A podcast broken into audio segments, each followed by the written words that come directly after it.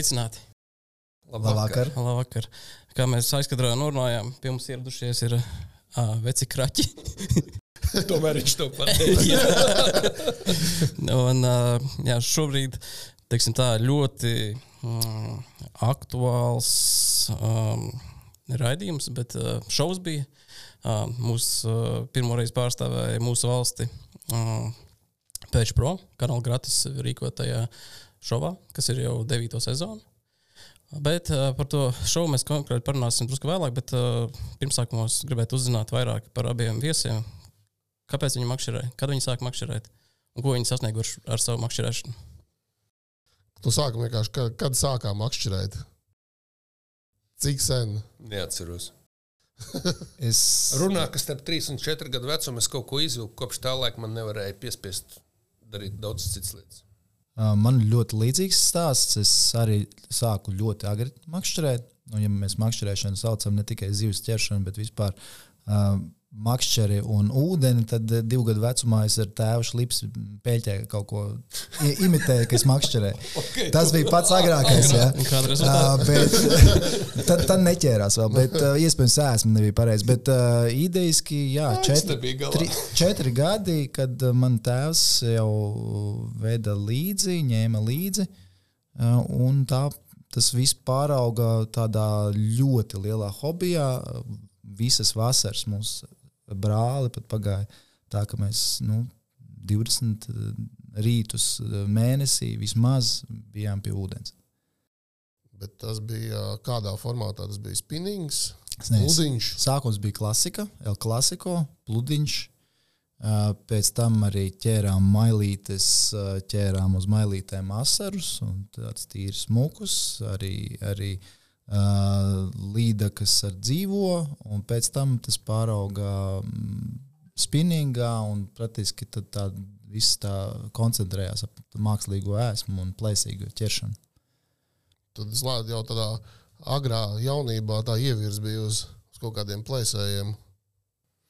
Nē, agrā jaunībā ķēri un priecājos par katru ziltiņu, ko varēja noķert. Un Pēc tam, pēc tam jau tu fokusējies, tad ir tas periods, kad gribās noķert vairāk, un pēc tam ir tas periods, kad gribās noķert uh, lielākas. Ja? un Tad tu izēji tiem etapiem cauri. Un Mārtiņam varbūt vairāk kaut ko? Nu, man CV viņš jau nolasīja, tā tad atliek tālāk, piebilst pašā beigās, kad, ā, tad, kad tu iemācies ķert lielās, tad ir jautājums, kā vēl viņas var noķert. Uz ko vēl viņas var noķert? Nu, un, jā, nu, un, un ko vēl mēs copē neesam uzzinājuši. Un, ā, nu, kā saka, mūža hobijs vienā mierā.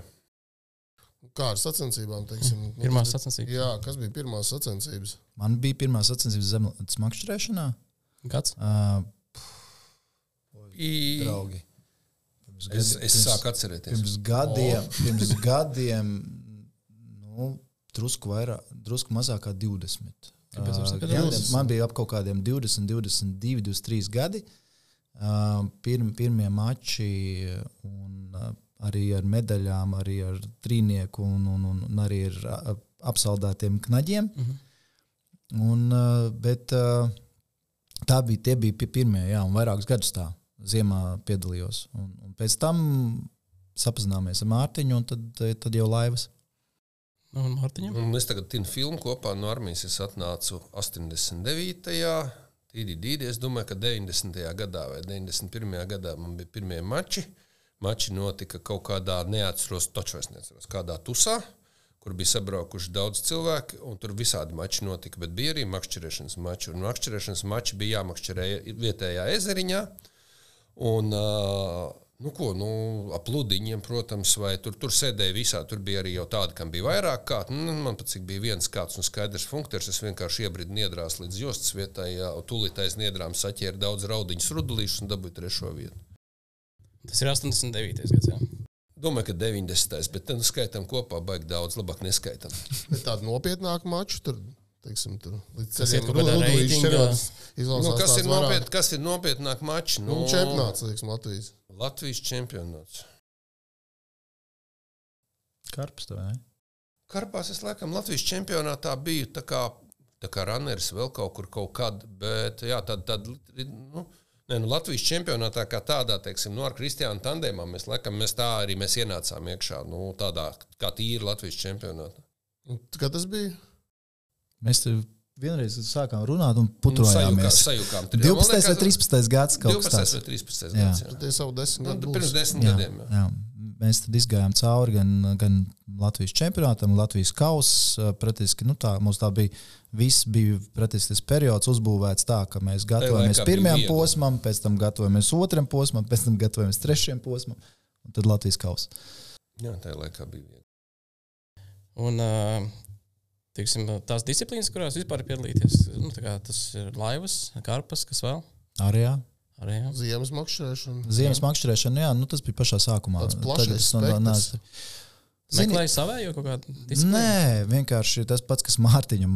Tas ir mūža hobijs, mūža aizraušanās. Man makšķerēšana vienmēr ir saistījusi. un Man nav bijis tādi kaut kādi baigie pārtraukumi vai, vai pauzes. Un, uh, es pēc savas būtības samērā uh, uz, ar sportu uz to, jo es mm, no bērnības es arī basketbolu spēlēju, un tas sacenšanās gars ir kaut kāds. Ja, un, un uh, tas arī kaut kā stimulē kaut ko meklēt jaunu, mācīties. Un, man liekas, vismaz manas sajūtas ir tā, ka makšķerēšanas sports, vienalga kurā disciplīnā, viņš māca daudz ātrāk, un daudz vairāk un daudz detalizētāk nekā vienkārši makšķerēšana, bet nozog tavu laiku.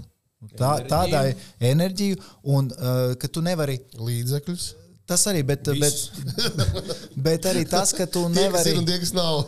Jā, jā, bet tu nevari vienkārši pieiet tā, no es gribu šodien makšķerēt tur un ķert to. Ja. Tu tomēr sacensību režīmā eh, esi, tad tu pielāgojies tam grafikam. Ja. Nu, piemēram, eh, arī ārējā sezona, kas sākas, mums viņa pietiekami intensīva, nu, tad, tad tu velti uzmanību pamatā tam. Ja. Un Tāpat kā mums bija laiva, laiva čempionāts, mēs veltījām uzmanību. eh, Sezona sākās. Jā, un tam Tur mēs procesam esam visas brīvdienas. Konkrētajā ūdenī mēs esam brīvdienas. droši Un vien beidzas- beidzas-. Beidzas posms, mēs jau gatavojamies nākamšam, nākamajam posmam. Un, nu, tu esi koncentrējies tam sportam, nu, bet, ja tu gribi tos rezultātus, laikam, savādāk nevar. Nu, droši vien. Uh, Pieminēja basketbolu. Šeit viens skatītājs arī uzdot jautājumu par to tēmu. Uh, Raivis Kabineckis uh, jautā, ko precīzāk met Kristiāns Špiningu vai bumbu basketbola grozā? Špinīgu viņš nemet. Viņš parasti met mānekļus. Es atbildēšu Nē, nu, viņa vietā. Nē, nu kā, nu, attiecībā uz basketbolu es esmu sēdošs suņa augumā, līdz ar to sasniegt kaut ko nopietnāku. Nē, es, me, es metu normāli, es metu normāli, bet nu, mūsdienās saspēles vadītājs ir vismaz 1,90 m un vairāk pārsvarā, ja, un, un piecas reizes ātrāks nekā es. Uh, Līdz ar to tas makšķerēšanas sports atkal tu vari realizēties uh, tādā līmenī, kādā es basketbolā nevarētu realizēties. Bet basketbols man, man ir paticis saistījis, un es joprojām basketbolu uzspēlēju un, un, un, un patrenējos vēl un Starp, paskrienu. starp citu, ne- nedaudz ieskats tādā uh, atkāpē. Uh, st- Statistiski es lasīju, ka bija uztaisīts kaut kāds pētījums par vispār pa pasaules sportiem. Un tur bija tāda apkopota pēc kaut kādiem tiem reitingiem, nu, pēc, pēc gradācijas. Uh, makšķerēšanas sports bija numur viens, kurā tu visātrāk vari gūt panākumus. Nu, teiksim, ja tev ir jābūt basketbolā vai hokeja vai vēl kaut kur jātrenējās gadiem, ir, ja, tad makšķerēšanas sports pēc viņa tā. Pēc tās analītikas, cik cilvēki ātri, tie, kas ir pirmajās vietās pasaulē, cik viņi ātri tikuši līdz tiem rezultātiem, tad viņš bija vis, vis tādais visātrākais, lai tiktu līdz nu, tādiem pan, panākumiem, nosauksim, panākumiem. Tas ir diezgan interesanti manā skatījumā. un Tas, tas man liekas, tikai liecina par to, ka, man liekas, ka nekad īsti nav par vēlu nodarboties ar makšķerēšanas sportu. Nu, Tas ir Nosacīts, viens, protams. un otrs, iespējams, ka tas ir tāds demokrātisks sports pret tavām, varbūt kaut kādām arī fiziskām spējām un, un iespējām. Nu, tādā, tāpēc jau mēs sākam, tas ir hobijs visam mūžam, ka tu saproti, ka tu ar to varēsi nodarboties gan 10 gadu vecumā, gan 5 gadu vecumā, gan 50, 70, 90 Nu, iespējams. mēs esam četri dažādi džeki šeit sēžam. Īsi, gari, tie dažādi. Jā. Ja? Un visi mēs esam makšķernieki, un visi mēs spējam kaut ko sasniegt. Un neviens netaisās ne neko beigt šodien. Jā, jā. Tieši tā. Tas arī varētu tā kā mūsu skatītājiem, tas viens no mūsu tādiem tā kā mērķiem. Mēs zinām, ka Latvijā ir 150 tūkstoši makšķernieki aptuveni ja, pēc pārdotajām kartēm un vispār. Jā, tur mēs, mēs, mēs Renāri gribam pēc iespējas vairāk cilvēku piesaistīt tieši šim sportam, jo zinot to, cik tas ir interesanti un pieejami un tā tālāk. Ja. Nu, tas tā. Un katrs var atrast savu disciplīnu. Tā kā Jā, jā, nav jā, jā, jātērē jā. baigās naudas, lai tu varētu kaut ko Tur- pamēģināt. Turklāt var pamēģināt, un neviens par to nesodīs. Tu sapratīsi, jā. nu, patīk vai Jā. nepatīk, aizrauja vai neaizrauja. Un tas ir tas, kas mums noteikti ir jādara. Mums ir vairāk jārāda makšķerēšanas sports, jo šobrīd pārsvarā viss tas, kas tiek rādīts, ļoti daudz ir pārsvarā reklāma, reklāma, reklāma. Jā. Ā, un ir ļoti maz tādu patiešām vērtīgu. Bet es ceru, ka šogad tas izdosies. Ne? Ir, ir plāns, ka to cilvēku redzēs daudz vairāk šogad. Mēs jā, vienmēr esam cen- skatījušies, lai, lai to, to deksmi, kas mums ir, ja, tiem, kas tur piedalās, varētu kaut, kaut vai drusciņi iedot tiem, kas Uz par ārā to parādīt. domā. Jā. jā, jā kā iedrošināt arī. Jā, tur tiešām nav jābaidās, jo kamēr tu nesāks darīt, to nu, nu nebūs. Nenopirks loterijas biļeti, nekad nevinēs. Tieši tā. Uh, mēs lēnām virzamies uh, par, uh, no pieredzēm uz uh, komandas uh, izveidošanu. Kā jūs kļuvāt par komandu? Kurā gadā un kāpēc? Jā, varbūt ir kāds stāsts. Jā, ar- varbūt, jā. Kā Varbūt tas notika? Nu, ir stāsts, jā. Vai ja- ja kaut- stāstīt, kaut, kaut, droši. kur, kaut kur netālu no kuldīgas, ja? Man liekas, Kaut ka kādā mežā, apmēram dziļi, dziļi notika kaut kāds pasākums, kur, kur ā, ā, tas bija kurzems kaut kāds plānošanas reģions piedalījās. Un tajā laikā tu biji no kurzems plānošanas reģiona. Es savukārt biju tur no makšķerniekiem, un tas bija kaut kāda tikšanās meža vidū.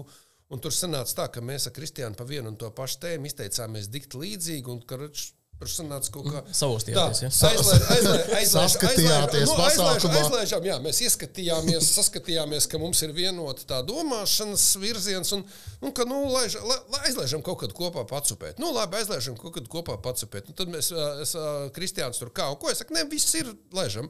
Un tad Kristiāns pienāca, viņš, tev ir baseni, mums ir jāstartē Latvijas čempionātā. tas tā, pirmajā, viņš bija tas agresīvais reizē, tas attiecībās. bija vienkārši momentāli. Ja? Kaut gan es to lēvu savulaik biju nopircis pavisam, nu, teiksim, nu, jā, ok, arī copē, jā, bet man tur bija doma tā, lai es varu kvokot sāmus, lai viņi ir pietiekami zem, lai viņi ir pietiekami jaudīgs motors, lai viņi var man monoslēpes izcelt no ūdens, jo man, piemēram, patīk slēpot, nu, uh, ok, tur bija cits mērķis tajā un pēkšņi tā, hop, hop, un mēs jau vedām Olti ar Juriku jau kaut kādā pļaviņa posmā, viņi jau bija sarunājuši, ka es tur viņus pavadīšu, lai viņi ir ātrāk, lai viņi tiek uz točku. Jo tajā laikā Latvijas čempionātā bija apmēram tā, ka točkas bija tur kādas 10 vai 15, un kurš pirmais aizskrien, tas tam labākā točka, mm. jā, un tur vēlāk jau sākās visādas peripetīs, kurš tās točkas tur sēdēja virsū, bloķēja, ko tik tur nedarīja, visādas muļķošanās bija. Tagad tas viss ir beidzies. Par kur gadu mēs runājam? Jā, tas nevar būt. Es domāju, es domāju, ka tas bija 13. gada Latvijas kausa. ātrāk, ātrāk. Nē, nē, Ne, mēs 12, sākām- 12. gada Latvijas kausā mēs braukājām pa ezeru un skatījāmies, kā Džeks sacenšas. Atcerieties, Brēms bija to superīgo kuteru ar kaīti. Viņa abi divi rudzāni ķēri. Tur ir kāds smuks kuģis, bet nu, ar kaīti. Jā, diezgan liela tā pamata. kā pusdienas uztaisīt. Jā, iekšā. apmēram tā, ka, ja kas tad ej kubrikā pagulēt, jā, viss Ja cieņ. Mārim, bet mēs toreiz tā, ok, jā, ar šādām laivām startē, mēs arī esam mieru startēt. Liekas- Tas bija ķīšazarā, un tad mēs nākamā gadā sākām. Nē, nē, mēs, mēs, man liekas, kas sākās ar to, ka mēs desmitajā gadā tas, tusiņš bija, tad mēs pamakšķerējām Nē. kopā vienu gadu vismaz. Nē. Jā, man Nē. liekas, ka tā bija. Desmitais noteikti nebija. Bija Nu, kaut kāds 11.. 11. 11. Nu, mēs vienu gadu mēs... toču vēl pa, pa, pa, pabraucām bet kopā, mēs to pamakšķerējām. Pataustījāties, Mēs to, būs vai sezonu, mēs to sezonu braukājām kopā copēt, un tad, un, uh, tad es rudenī vizināju stikutu pa ķīšazaru, un mēs jau sapratām, ka ok, kad, ir, kad nu, mēs jau braucām skatīties, saprast, kā tur tas viss notiek, skatīties, kā tur tas viss apmēram griežās, jo Kristians jau bija bijis tiesnesis tajā laikā, Jā. kādā laivā sēdējis. U, jau zināja un, un, un viņš teica, pilnīgi noteikti, viņš saka, mums nav ne par ko jākaunās, mēs noteikti ķeram labāk par vienu daļu, kas tur jau ir. Tas bija tas sausais secinājums. Jā, pabūt, pabūt, pabijām, pabiju kā tiesnesis. Tad varēja Secināja, paskatīties. ka okay, tur Nē, ir ka varam. ka varam. Ka vai izskait? Jā, pēdējie nebūsim, un gandrīz palikām pēdējie, jo mēs pirmā posmā vienkārši, nu, vajag sakot, sadegām, kas ir normāli, kad pirmā posmā sadedz, tas ir ok, bet mums bija ļoti jaudīga sezona no 27. vietas pirmajā posmā līdz uh, Sešniekam. Latvijas kausā. Uh, tas bija tas sezonas kāpums, kā Jā, un mēs kopvērtējumā sešniekām. Un kopvērtējumā mēs pat sešniekā nofinišējām tajā pirmajā sezonā. Tas vienkārši nu, sakārtojām nervus, bija šī uzlabojām, un pēc tam jau aizgāja vēl pavisam citā līmenī. Tas viss. Un kā teiksim, ar disciplīnām, tad, kurās jūs piedalāties Kopā. kopā? Jā. Kopā mēs. Kopā, kopā. Litrabolā viņš nepiedalās. Es visu laiku aicinu. Basketbolā viņš arī nē. Bet, uh, bet ja nopietni, tad uh, mums tiešām liels, liels, tas salīdzinoši liels periods bija laivas, uh, kuras es nevaru teikt. ka- laivas? Nu, sacensības- Līdz 16 sa- gadam mēs piedalījāmies Latvijas Jā, čempionātā. bet laivās. es teiktu, no laivām. Jā, jā, bet es teiktu, ka mēs to turpinām darīt. Eh, Drusku savādākā, varbūt veidolā, bet turpinām to darīt. Jo pēc 16. gada mēs nostartējām divus Latvijas kausus. Pēc tam Somijas mači, tad Holande, tad Jā. uh, Zviedrija. Mums Mēs meklējam vidē, kaut ko interesantu. vidēji kaut kāds vismaz vienas starptautiskas sacensības mēs kopā braucam. Un, un, protams, arī tas Pečpro kā, kā vēl viens tāds jau tādāks formāts drusku. Jā, on the Un plus, plus uh, būs vēl. kur es ļoti priecīgs savā ziņā. Es pat ne, nespiedu speciāli uz to uz Mārtiņu, jo viņš jau iepriekš bija teicis, ka uh, nu, negribās pagaidām vēl tā tur tajā visā ielikt iekšā, bet kaut kā sanāca, ka ieliec. Es, es vienkārši zinu, ka Mārtiņš ir ļoti labs makšķernieks. Viņš spēja, nē, es pateikšu to domu. Uh, viņš spēja, uh, nē, nē, viņš vienkārši spēja analizēt uh, pro, gan procesus, gan ka to, kas notiek uz vietas. Jo uh, varbūt cilvēki ļoti tehniski, bet uh, tas nevienmēr ir pietiekami, lai tu sasniegtu rezultātus. Un uh, Mārtiņš pagājušo sezonu uh, tajā visā iegāja jau nopietnāk, nu, var teikt, uh, tā, kad jau, jau ar mērķi. sanāca, Ja? Nu, un arī tika pie uzvaras. Tā kā, uh, Te jau ir tas stāsts arī reizēm, tas mēs tev pasmējamies par to bērnību, par tiem četriem gadiem vai pieciem gadiem, bet jāsaprot, ka tā ir kaut kāda pieredzes bagāža, kas nāk mums līdzi. Un uh, arī citos sportos būs tādi, kas supertalanti, kas 15 gados sāks basketbolu spēlēt, un viņš būs NBA. Un tādu piemēru ir, bet tādu nav daudz. Un, uh, un vairāk ir tas, ka tu vāc to informāciju savā zemapziņā, mēģini saprast to dabu, mēģini saprast tās zivis, pielāgoties, analizēt. Tev ir informācijas bāze, uz ko tu būvē rezultātu. Visi garie nav šakili. Ja? Nu, bet, Klau, par šito īstenībā varbūt vēl bija šis uh, par to, kādai jābūt tai domāšanai. Kas tieši ir jādomā, lai tu saprastu to zivi, lai tu izspēlētu kārtas pareizi. Kā tu, kā tu skaties uz to visu? Vai kā Mārtiņš skatās uz to, kā tev liekas, kā viņš skatās, ka tas tev likās Viņš arī var pareizi? skatīties. Nē, nē, es domāju, ka labāk katram pašam pateikt, kā mēs skatāmies. Labi, nu, pastāsti, kā Jo- tu jo- skaties uz to. nu, saproti, tas, kā mēs esam pieraduši ilgu laiku, tagad arī kaut kādās sacensībās bū- būdami, um, vērtēt, analizēt, pirmkārt, viens ūdens tilpne. Ja, Jo, nu, Kur mana, mana sajūta ir tāda attiecībā uz tām pašām laivām. Ja, lai tu sasniegtu rezultātu, tev rezultātu dod uh, se, vismaz 70% ūdens tilpnes pārzināšana. Uh, un tad ir attiecīgi tavi lēmumi, tehnika, uh, pie, uh, piemērotie mānekļi tam brīdim un, un zivs aktivitātei. Arējā ir drusku savādāk. Uh, Man liekas, arējā ir uh, tiešām tāds um, sprints, kas ir, kur tev uh, Desmit panākums sprinti. dod Vienā 80% tieši tavi lēmumi, kā tu piemērojies tiem apstākļiem konkrētajā brīdī. Zivī, zivs A, Ko aktivitātei. nozīmē tie? Pastāstiet, kas ir tas pielāgošanās? Ūdens temperatūra, gaisma, zivs, zivs kustība, zivs atrašanās, kuros līmeņos viņi ir augšā, vidējā līmenī, apakšējā līmenī. Ziv, zivs darbības ātrums, ja, un tā tālāk. Vēja, tur, tie, tas ir tas, tavs, tavs kompjuters galva šos datus apstrādā, tu vari reizēm aizbraukt auzās. Ja? Tu vari pārāk to visu Dziļi ieraut auzās. Jā. Vēl vien nepareizs, viens nepareizs idejas. Ja? tu, tu pats sev vienkārši sap, sapīti. Tā, mēs visi esam tam izgājuši cauri. Ja? Bet, bet pamatā bieži vien, jo vairāk informācijas un tu spēj ar to tikt galā, jo tev būs labāks rezultāts. Es to valku vienkārši ar citām disciplīnām. Tas ir ļoti, ļoti līdzīgi. Jā, nu, teiksim, tu saki, tas arī ir tāds vairāk sprints. Jā, tev ir ļoti īsts periods, kad tev ir jāpieņem ātri lēmumi, bet arī citās disciplīnās līdzīgi. Tas, ir, tas man liekas, arī rosina s- domāt, sportistiem domāt ātri. Nu, tas ir tā daļa no tā sporta, ka tev ātri jāpieņem lēmumi un pareizi lēmumi jāpieņem. Jā. Labs teiciens šajā vietā ir. Es kādreiz esmu braucis arī autorālijā, un bija tāds labs teiciens - raļiņa šahmati, tam dumaķnada. Nu, ot. Ja, un, ā, tad, tas ir, tas, tā ir tāda lieta, kas tev īpaši ērijā un, un, un sportā, kad tev ir limitēts laika periods. Jautājums ir, pirmkārt, cik daudz informācijas tu spēj vienlaikus paturēt galvā, cik daudz faktorus un vispārējo tu spēj paturēt galvā. Protams, tu vari uzlikt, kā saka, apmēram tā iemet un velc, gan jau viņi pieķersies. Tas arī ir risinājums, un reizē viņš strādā. Bet tikpat labi tu vari pa- padomāt, iemet to, nogaidi līdz tik, patin tik ātri. Pareizā, pareizais veids ir tinot, nevis pavilkt, bet atlaist. Jo Jā. tad šis mākslinieks ir uzbūvēts, lai viņš ķertu tādā veidā. Un, ja tu to visu spēj saturēt galvā arī nervozās situācijās, kad pretinieks tev ir aizgājis priekšā, tad tajā brīdī tu arī esi, konkurētspējīgs. Ja, cik mums katru reizi tas izdodas, mēs paši zinām, ka ar jebkādu pieredzi to var nodegt. Tā, Atā. Jā. ja? Un, uh, es to teiktu tā, ka katrs mākslinieks spēlē dāmbreti, tikai dažs cits mākslinieks spēlēt uz 10, cits mākslinieks uz 20, cits uz 64, cits uz 100 lauciņiem tiek garā, un arī viņš varētu arī divus šakus vai kā ir tie simultēņas līmauci, kas spēj maukt ar desmit džekiem vienlaikus. Ja? Uh, tas vienkārši ir smadzeņu plašums un pieregulētība copē. Ja tev ķerās, ja, ļoti bieži ne tikai vieta ir pie vainas, tad, tad uh, nu, Mēs visi esam copmaņi. Es domāju, ka tā, tā čūjas, ņuks un poņi tie ir visi nelatviski vārdi, bet viņi trīs kopā raksturo veiksmīgu copmani.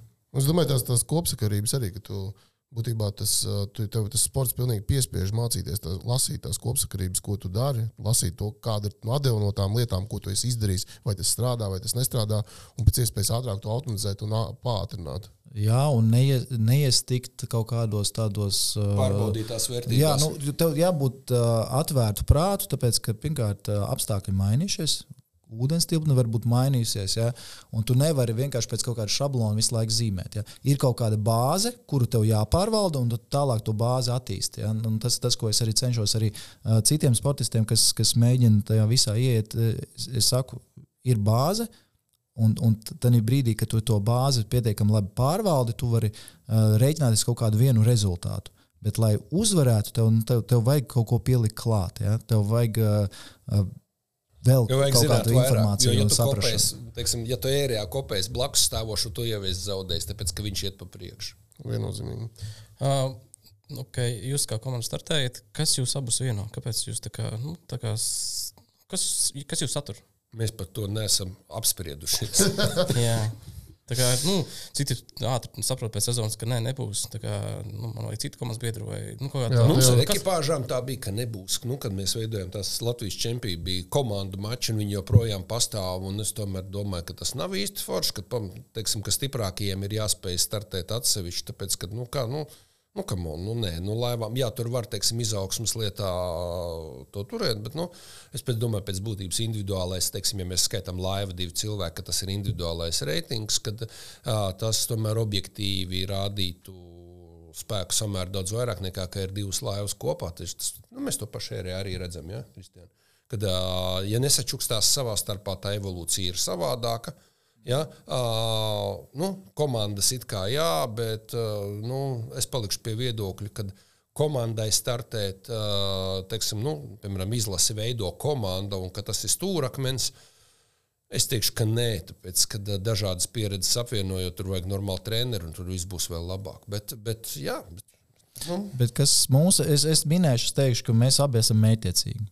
Mums ir svarīgs Bišķi rezultāts. Dūli Un uh, mēs uz to ejam, un mēs esam gatavi tam kā, veltīt uh, mūsu uzmanību, un, un, un laiku ja, un resursus. Un, un otra lieta ir, ir tas, tas makšķerēšana kā tāda. Nu, viņi aizrauja, tāpēc, ka ir interesants rēbus, ko, ko minēt un ri, risināt. Un, tas nav vienkārši mēs iemetam kaut kādu kaut kā uh, pludiņu ar, ar, ar āķu un slieciņu un gaidām kaut ko. Nu, tas, tas nebūs tas, kas mūs tajā visā aizrauja katru gadu apmēram tajā laikā nāk Brexit. Tagad brauksim uz Varkalu. Tas ir interesanti, bet, bet š... monotoni. Bet jūs kādu brīdi vairs nestartējat laivās?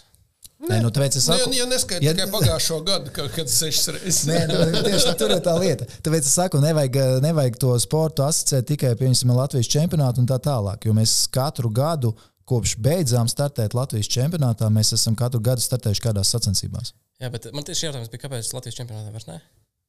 Jā, kas notika? Tur bija vairākas lietas, ko, līmeni, vairākas ja? lietas kuras mēs negribam, par kurām mēs negribam runāt, jo okay. tas viss ir salabots un lai viņš tur arī paliek. Uh, un, uh, jā, bet uh, mums viennozīmīgi ir pa maz laika, lai tik daudz laika tērētu Latvijas čempionātam, jo uh, čempionāts kļūst dziļi profesionāls. Un šobrīd patiešām tie, kas tur augšgalā ir, tie spēj veltīt ļoti daudz laika. Un tas ir man, un arī Kristiānam nav laika strādāt. Man kādreiz bija vairāk laika, šobrīd ir pavisam maz.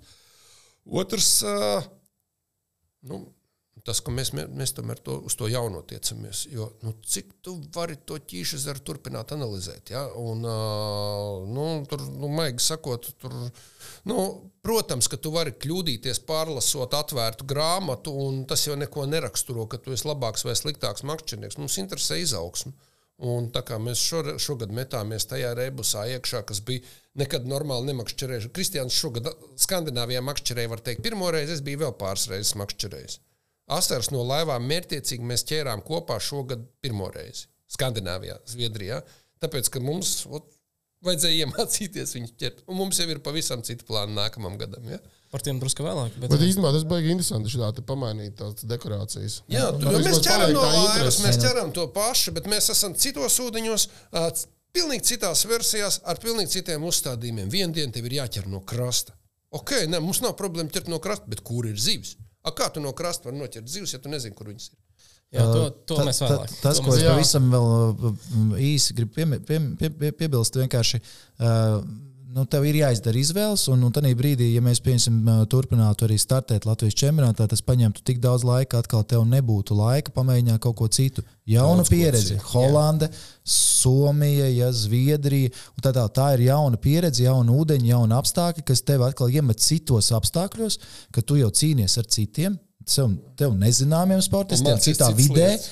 un mācies citas lietas, un apgūst citas lietas. Jo man liekas, ka sportists, jebkurš sportists, jebkurā makšķerēšanas disciplīnā būs veiksmīgs. Tajā brīdī, kad viņš būs pietiekami arī ar plašu skatu un universāls un daudzpusīgs. Tur un, uh, meklēs izaicinājumu lielāku, noteikti.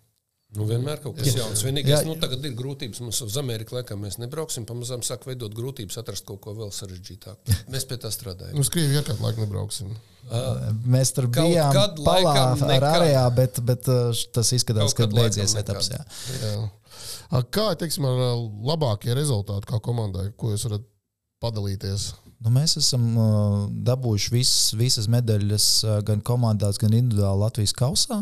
Jā, spinīgošana, spinīgošana laivām. Jā. Jā, mēs esam uh, uzvarējuši arī uh, Latvijas čempionātu, ir, ir, ir kopvērtējumi medaļas komandām. Nu, otrā, trešā mums pietrūkst līdz pirmajai vietai. Ja. Un, jā. uh, ārējā ir, ir, protams, salīdzinoši daudz arī sasniegumi, un uh, gan uh, manā gadījumā, gan reitings uh, labākais uh, 2021. gadā. Uh, gan, gan arī pasaules čempionā, čempionātā vicečempioni. Mēs esam komandā, ja, un tāpat ir individuālās sacensības un, un, un, un komandu mači un, un tā tālāk. Tā kā kaut kas drusku saskaitīt nevar. Kaut kas kur, kur jūs liekat to visu metālu? Jā. Kaut kur krājās. Smējās. Ka, Mājās ir kaut kāds diezgan garš skats ar visu kaut ko. Rallija klubā ir diezgan garš skats ar visu kaut ko. Veikalā ir diezgan garš skats ar visu kaut ko. Eh, Bet, bet kaut kad būs vienkārši jādara tā, kā to dara amīši. Liela kartona kaste kaut kur bēniņos. Kur Kas sakausēt visu kopā? Jā. Nu, tur jau nekas ne, nav ko kausēt. Tur nu, būs viens kausliels. Nu, dzīves. Māks, mākslīgā marmora kājiņas var kausēt. bet, ja nopietni, tās ir visas īstenībā atmiņas un emocijas. Tieši tā. Tieši tā. Tu un, kaut kad ej ar to plaukt un, un redzi, ev, tas toreiz. Tas bija toreiz. Tas bija toreiz. Tas bija tā, ja. Tās ir emocijas un, un, un atmiņas, un tas ir tas ieguldītais tavs savā ziņā laika un enerģijas novērtējums. Un, Jā. un mēs esam cilvēki, kuriem tas novērtējums ir svarīgs. Es atceros, ka es esmu vinnējis rallija 130 cik tur kilometru ātruma posmos ar 0,8 sekundžu pārsvaru par otro vietu. Es esmu palicis ceturtais vai trešais, neatceros, ar 0,2 sekundžu iztrūkumu. Teiksim, ja? Un tas tur nobrauc tur, tur to milzīgo gabalu ceļu. Ja? Tur arī ir milzīga jauda enerģija un daudz naudas tiek notērēts. Un finālā tas ir 0,5. Ok. mm pilnībā sveša pasaule, bet nu, droši vien tās emocijas nu, tur ir iespējas. Tur jādomā. Ir. Jā. Tur jā, tur ir bīstamāks, man liekas, tas pasākums ar močiem. Ir, es drusku pabraukāju ar močiem, pa biķerniekiem. Visādi var būt. Saprat, ka es neesmu tik, tik dūls. Tas nav makšķerēšana, tas ir bišķi nedrošāk. Tas ir, zini, tas ir vis, visos sportos, es gribētu teikt, kur es esmu bijis. Tur ir viena lieta, kamēr tu nenonāc līdz pieredumam, viss tas šķiet ļoti jocīgi. Tad, kad tu esi pieredzējis, tajā mašīnā tu iekāp vienkārši tā kā tu apsēdies birojā pie datora un sāc strādāt. Tas ir viss. Nedrīkst kļūdīties. Varbūt tāds pats spilgtākais mirklis no komandas startiem. Tas no nu, skaidrs uzvaras ir. Bet, kas, nu, ir kaut kāds baigais stāsts, ko gribētu padalīties, pastāstīt. Standarts pie tilta, ne? Labi, jā. Tas bija labs. Jā, Nu, tas bija labs moments. Pagaidām, sīkāk, sīkāk. Jūs tur jau keywordos Jā, aizgājāt. Nu, bija bija kaut kāds Latvijas kausa, laikam 18. gads bija, ka mums trūka reāli. Mēs saprotam, ka mēs esam ļoti tuvu medaļām. Mums vajag vēl vienu zīmu, un tad 15 minūtes pirms beigām mēs iemaucam kaut kādu 50, kaut kādu tur to zandartiņu, nabadzīņu. Viņš man liekas noškurināties, nepagūka. Viņš lēvā ielidoja pēc tam. Jā, tas mums uzreiz deva. Jā. Tas mums uzreiz iedeva otro vietu tajā kausā. Jā. Komandām es neatceros, pirmā vai otrā, bet tajā reizē. Jā, bija. bet okay, tas bija tāds emocionāls. Kas mums mm -hmm. vēl bija tāds, ah, oh, viens minūtes līda Kvonernā. Es vēl starp predatoru turu Zviedrijā. Ja? Es vēl pirms mest, ūd, mest mānekli, un reģinu Big Bites liels māneklis, tāls metiens, atrodamies dziļumā pie sēras. Un, uh, es vēl paskatos, kad uh, jau deg 58. Tad es tā pie sevis nospriežu, ok, iemest, izvilkt zivi. Un, nu, labi, varbūt. Iemet, un man pat tālo bumbu, un es tik kristam bļāju. Mums taču jā, jāizvelk tas metrs. Jā, Jā, Ā, nofotografē. Jā, no fočē uz lejas, un Jā, es- jāpagūst nosūtīt apā, un mēs paguvām. Pa minūti. tur bija- Cik liela tās Kaut kāds bija? metrs. Metriņš. jā. Metrīgi, līda, ka es vienkārši tajā reizē izslēdzu, vai ko. Tur ir spēks. Visu mēs darījām ātri. Mums kā Jo tā, teiksim, nu tā, es parasti lielās zivs nevelku pa gaisu, bet es viņu uzliku uz slēpes. Vienkārši viņa izrauga galvu un ūdens ārā. Viņa man vienkārši slīdēja pa virsmu līdz brīdim, kamēr ieslīdēja ķeselē.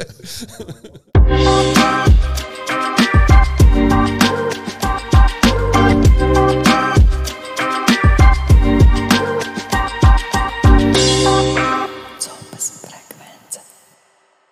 Turpinot uh, Big Bang tēmu, uh, mums ir uh, viens jautājums arī no skatītājiem. Kur meklēt lielu līdeku dziļajā ezerā pavasarī, par līdeku paradumiem, pēc kādiem apstākļiem vadīties, meklējot trofejas izmēru līdeku? To jautāja Gars Bergsons.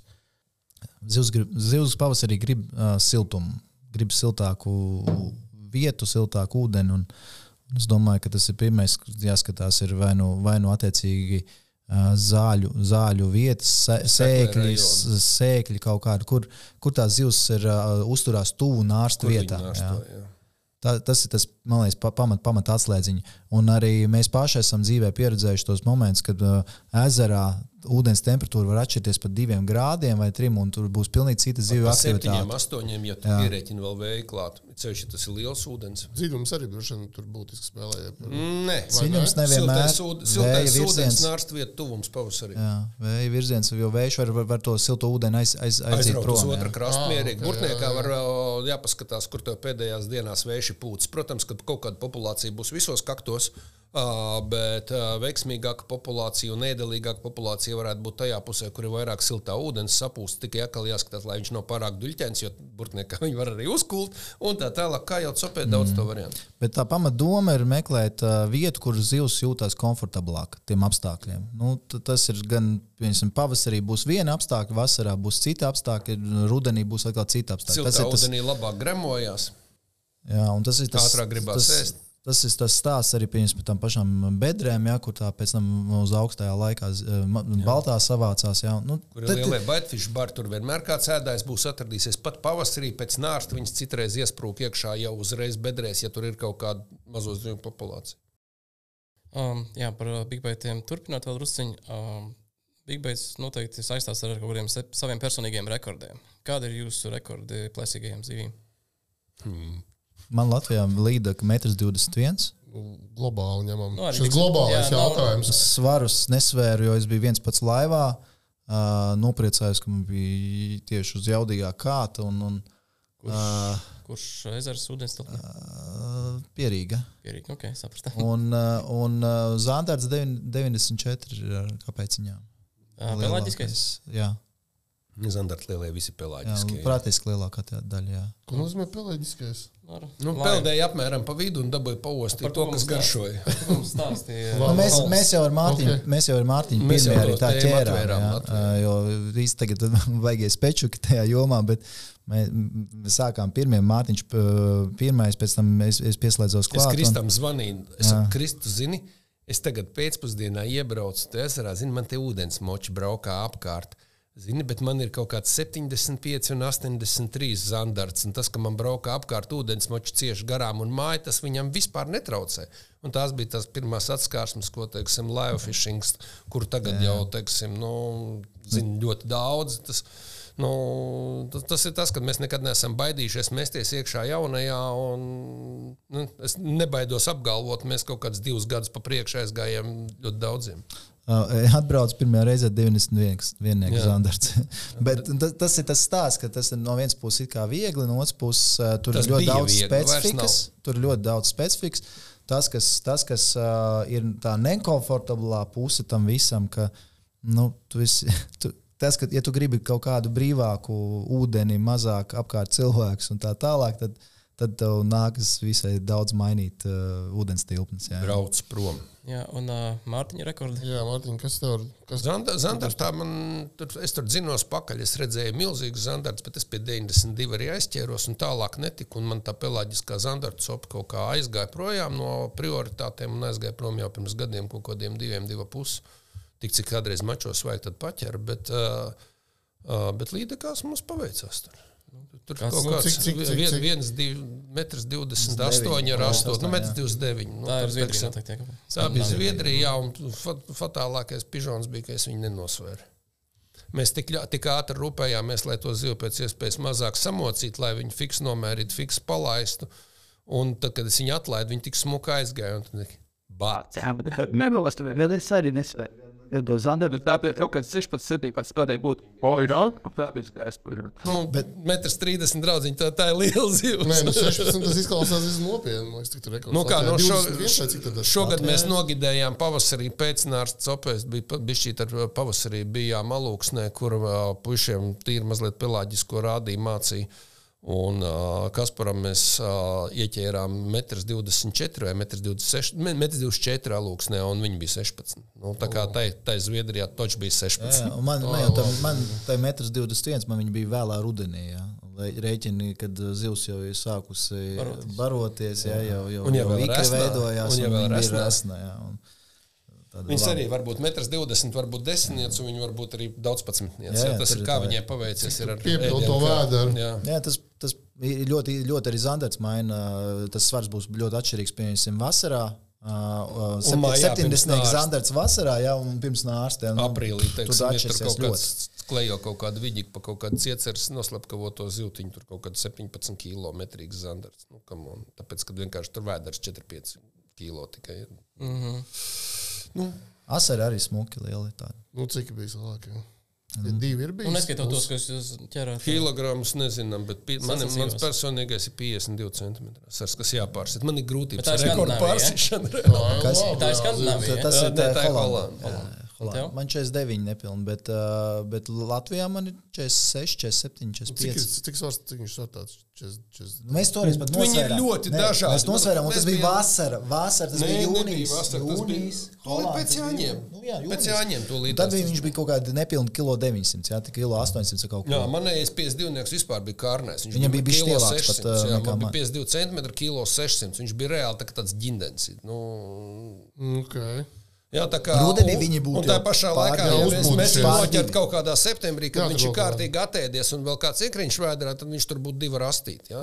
Principā tā aritmētika asarim ļoti vienkārši normāls 42 cm asars ir kilograms.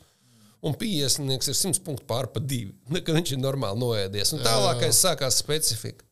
Pūns. nu, mēs esam pieskārušies asariem. tikko atgriezušies nesat, bet uh, tikko beidzies uh, publiski sērijas ar Pēču Pro. Varam pastāstīt varbūt vairāk par to. Nervos pāris mēneši. jā, kas, kas, kas vispār ir Pēču Pro? Jo noteikti kaut kāda daļa varbūt nezinu, kas tāds šovs eksistē, kas tas ir un kas vispār piedalās. Tā kārtējā mūsu ambīcija kaut kur vēl būt. Nu. Bet tas intro pa pašu šovu, kas jā. tas ir, cik tas ir liels un uh, cik nozīmīgs. Cik auditorija. Es to tās pateikšu kaut ko tādu, kas daudziem teiks, ai, bet, uh, bet pēc būtības, uh, nu, sāksim ar to, ka, nu, lai kā viņas tiek pasniegts kā sacensības, tomēr tas ir šovs.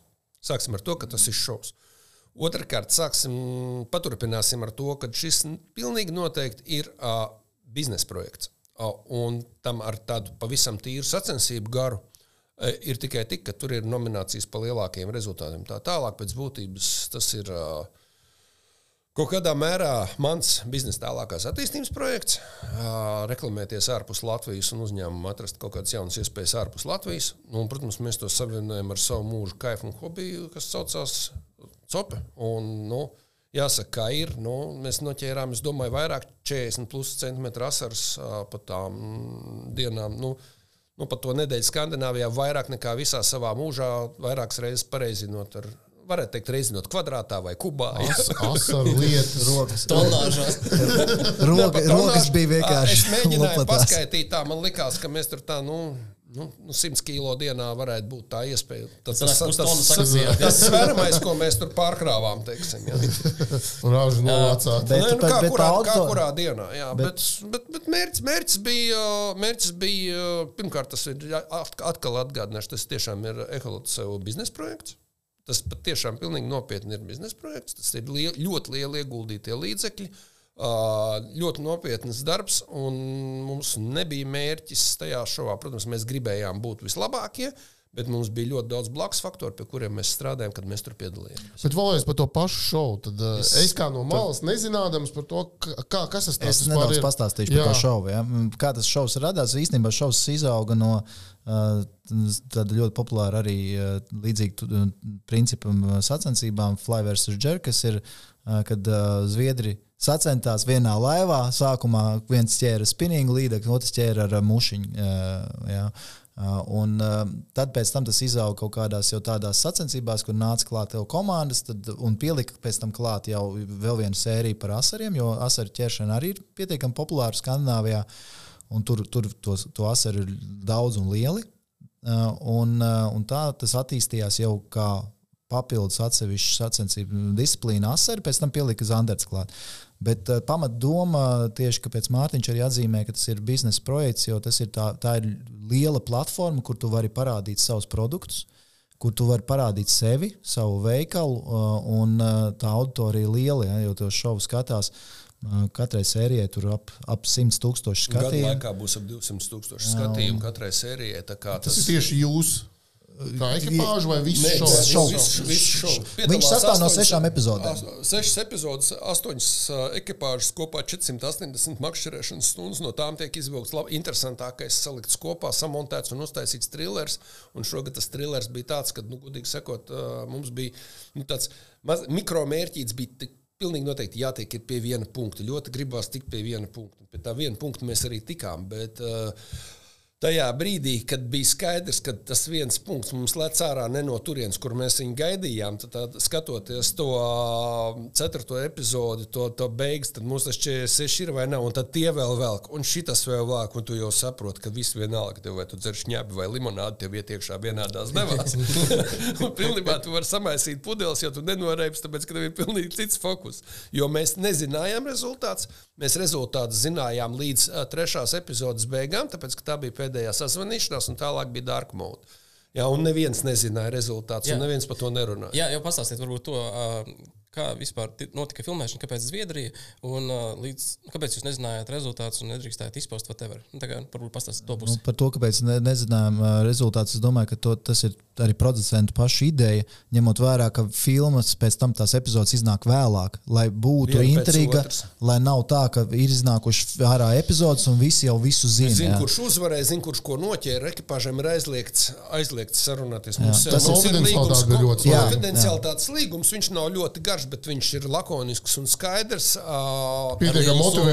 Ā, Viņš ne, tur, tur mazliet savādāk. Jā, lai iekļūtu kādā no šiem šoviem, Pērčs Pro, Flavors uz Džerka vai Zander Pro, ā, tas jau pirms- mēs tos, to, to ceļu sākām pirms gadiem, trījiem. Nu, es, es to sāku, jo Kristians jau viņš, saka, "O, ir dulāks notikums, es esmu gatavs braukt. Bet uh, es uz tiem šoviem skatījos jau labu brīdi. Uh, lai tiktu tajos šovos iekšā, mums nācās piesaistīt ļoti daudz cilvēku atbalstu. Mums palīdzēja tie paši mūsu zviedru piegādātāji, pa mums aizlika kādu vārdu, uh, copmaņi, teiksim, pazīstami copmaņi, teiksim. Un, Un beigās mums vienkārši šogad paveicās, kad viena no komandām nolūza vai finansiāli vai kā, bet nolūza. Un mums uh, maijā, maijā ja? Tā, man liekas, ka kaut kādā jā. Jā, maijā mums nu, pazvanīja, pateica, ka ok, uh, mēs jūs liekam iekšā uz Zanderpro un mēs atteicāmies. Kāpēc? Tāpēc, ka mums tas nekādā veidā tas šovs, mums, nu, mums nav kur startēt Holandē, tas ir tālu, pārāk dārgi, nesaprotami. Un tad es teicu, ka jebkurš cits šovs, un mēs ejam un maksājam kaut šodien, un, uh, un tad pēc nedēļas mums piezvanīja, ka nu, mums noplīs arī viens Perch Pro un Hops maksājiet, sūta invoice. Un tad nu, mums bija ļoti maz laika sagatavoties tam šovam. Un, uh, mēs, protams, izvēlējāmies uh, drošāko vietu, kur mēs kaut ko ķersim. Uh, jo nu, uzbūvēt Latvijā uh, stratēģiju uz asariem 45 plus nepastāv. Jo- ticams scenārijs. Jo tas, ko es gribēju teikt, lai cilvēki, kas klausās arī un, un, un skatās, saprot, te jau nav stāsts par to, ka tu noķers varbūt kaut kur 45 vai 47. Vai Latvijā tādu arī var ezerā. noķert. Ja? Latvijā arī var tādu. Bet tev ir jāuztais tas rezultāts katru dienu ar ļoti lielām zivīm. Uh, Būtībā top 5 kofertējumā nederēja asars mazāks par 47 cm. Tas diezgan- diezgan labs- 47? labs- Jā, labs- mazāk nederēja. Pirmā, pirmajā dienā pirmā vieta aizvērās ar 47 ap. Jā, un, un zivs. būtībā overall uh, top 5, ja pat trim, trim dienām, tev, tev būtībā jā, jātēmē uz to, ka tev ir vidējais uh, kaut kādi 48, 49 centimetri. Jā. Jau jādabū 5 asari par tām 3 dienām, 48, 49, 50. Un tas ir ļoti traks. Un kā to šovu novinēja ar top 50, divnieku topvoteru, tas bija vienkārši tā. Viņi, viņi visu laiku bija uz nulli punktiem, un pēdējās 10 minūtēs tas viņš jā. asars paceļās, lielais asars paceļās, viņš uzmet poperi, dabūja četras punktus ar vienu zīmi. Ok, tā ir copa, un tas ir tas, ir tas kas to šovu padara lieliski. Ja, jo mēs jau ar krasta dienā savu punktu dabūjām desmit minūtes pirms beigām. Ja.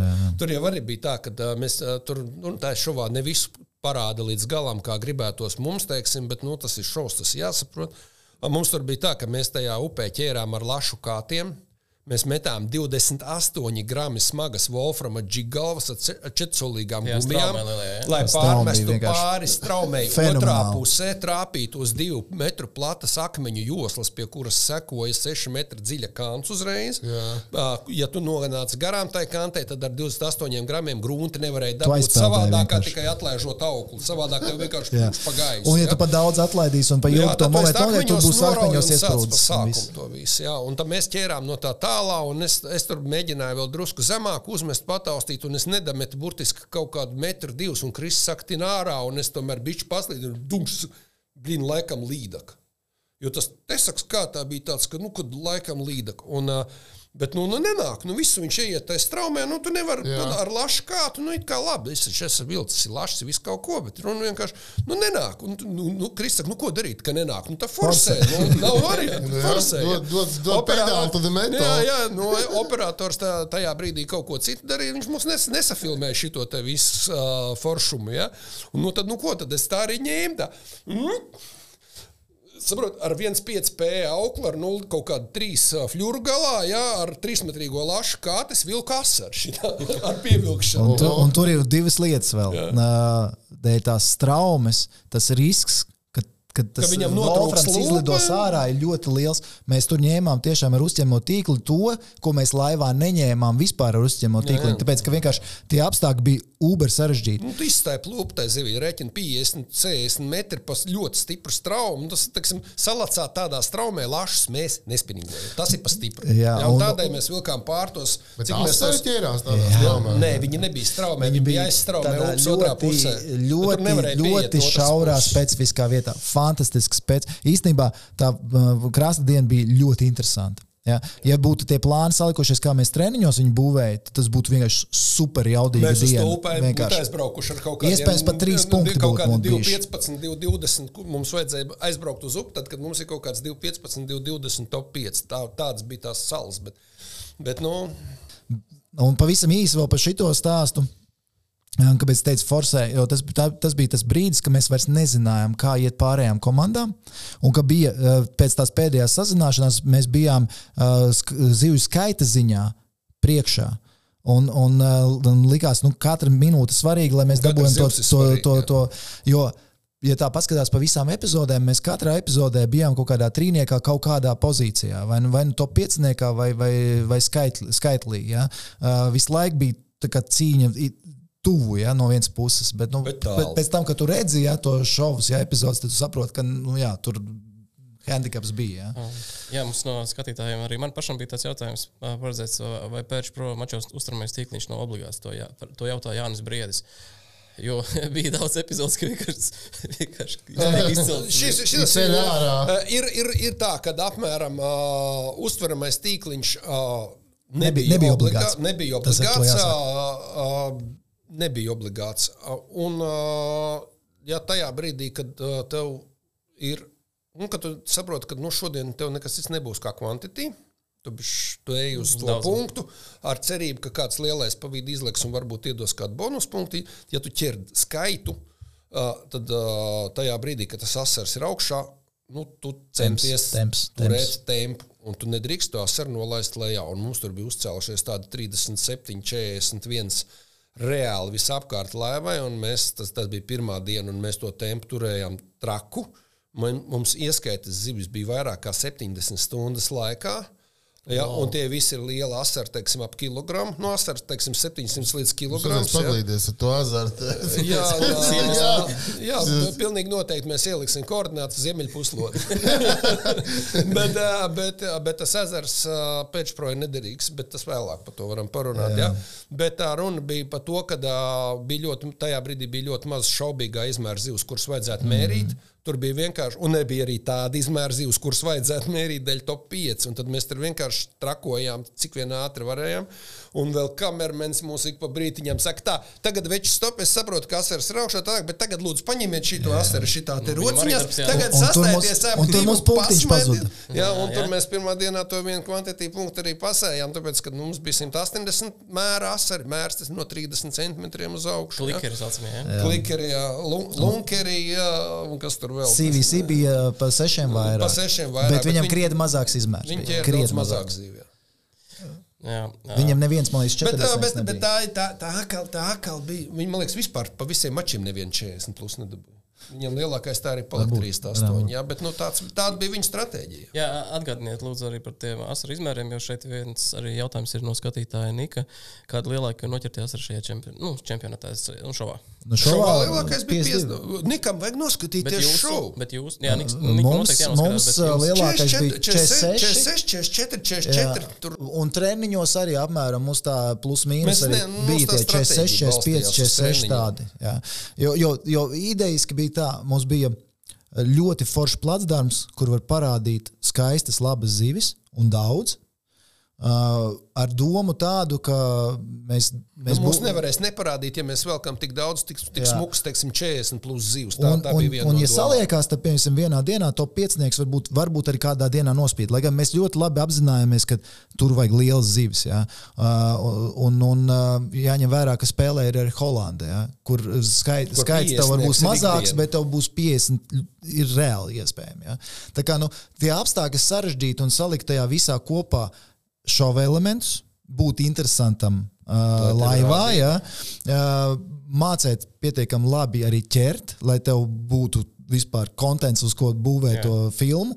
Ja, tā kā tas viss jāsaliek kopā. Mums tā bija arī tāda unikāla jauna pieredze, absolūti jauna pieredze, kas ir savādāk nekā sacensībās. Mēs zinām, kā sastrādāties Tas sacensībās.